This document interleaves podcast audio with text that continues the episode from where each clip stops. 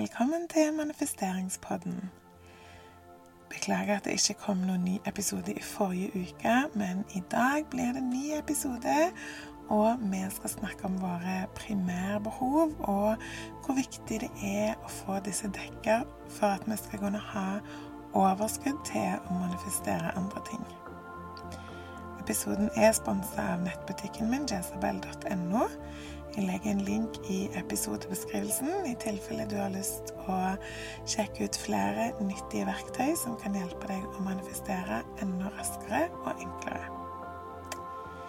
Hvis du har noen primære behov som ikke er dekka, så vil du konstant være i overlevelsesmodus. Og da er det vanskelig å skape noen ny vekst i livet ditt.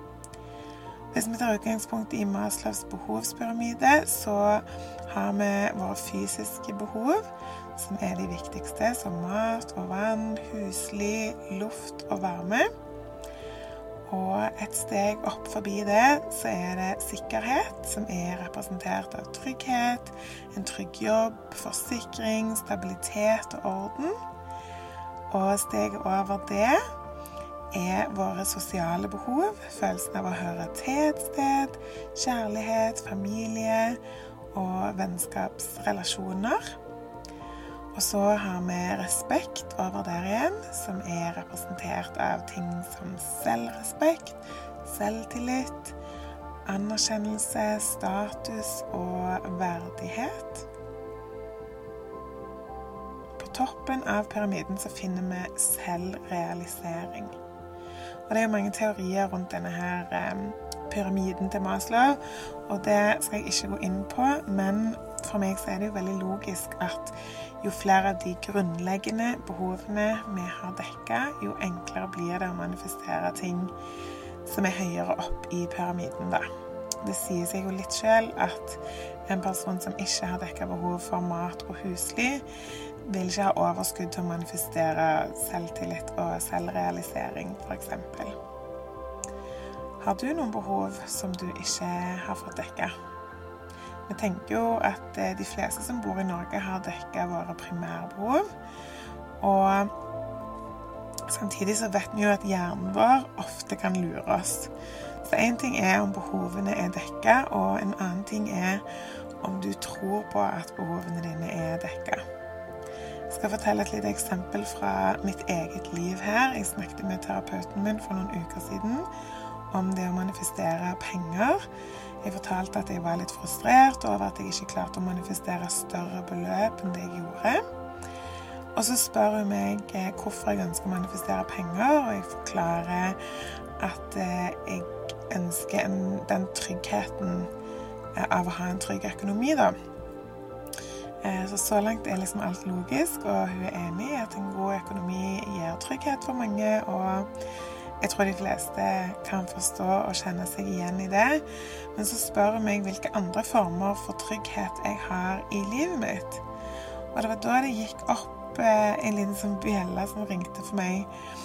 Eh, at jeg visste ikke om noen andre former for trygghet. For meg så var all trygghet knytta til det å ha mer enn nok penger.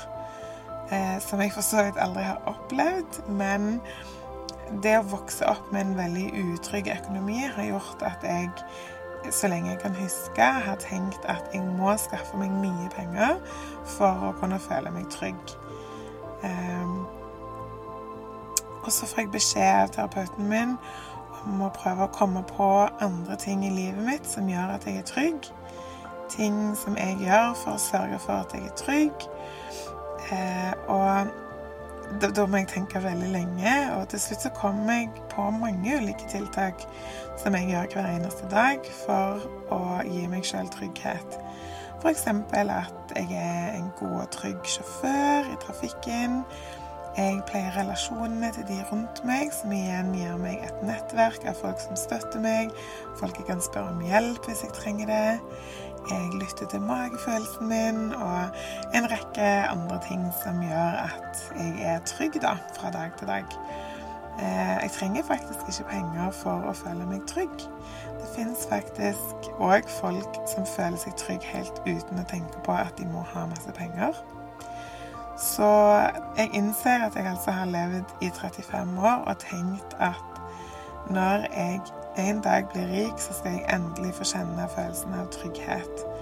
Og det har gjort at jeg på et vis har levd i en konstant eh, overlevelsesmodus, og dermed aldri kommet liksom helt ovenpå for å klare å manifestere de store drømmene mine, da.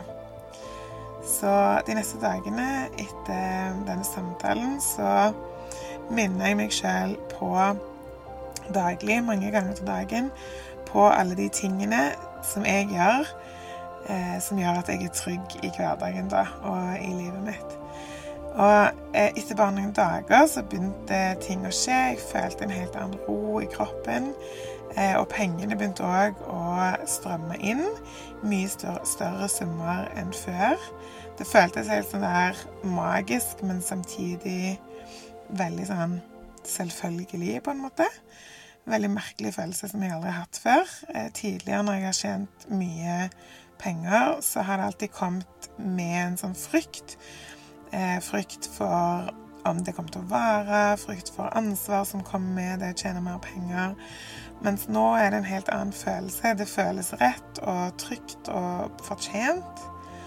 Og du vet jo at jeg syns alle fortjener en god og trygg økonomi. Det er jo noe som på en måte alltid har vært viktig for meg. Helt siden jeg var liten, så har jeg liksom alltid sagt at jeg skal bli rik.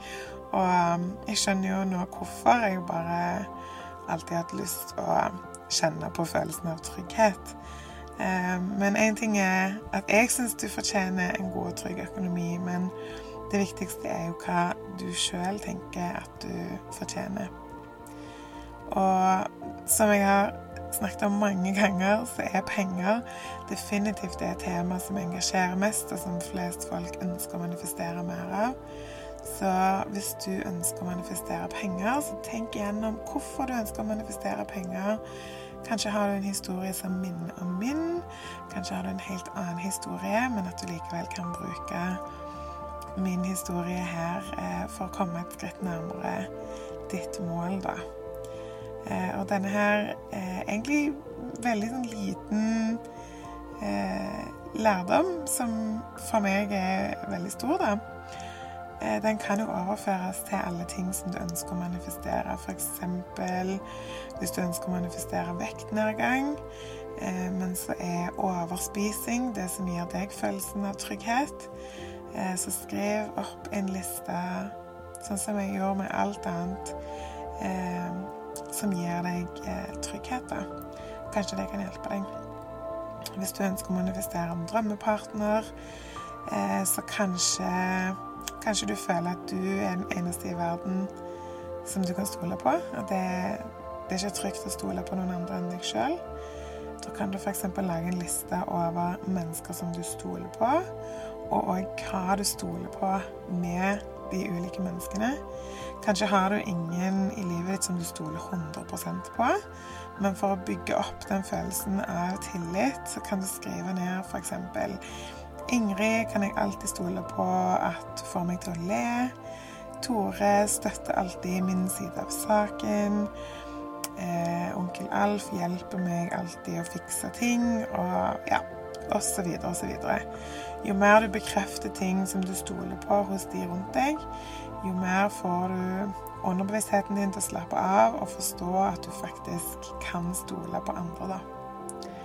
Så jeg håper at disse tankene her har gitt litt mening for deg, og at du kan finne mer trygghet i livet ditt, sånn at det blir enda enklere for deg å manifestere alt du ønsker deg.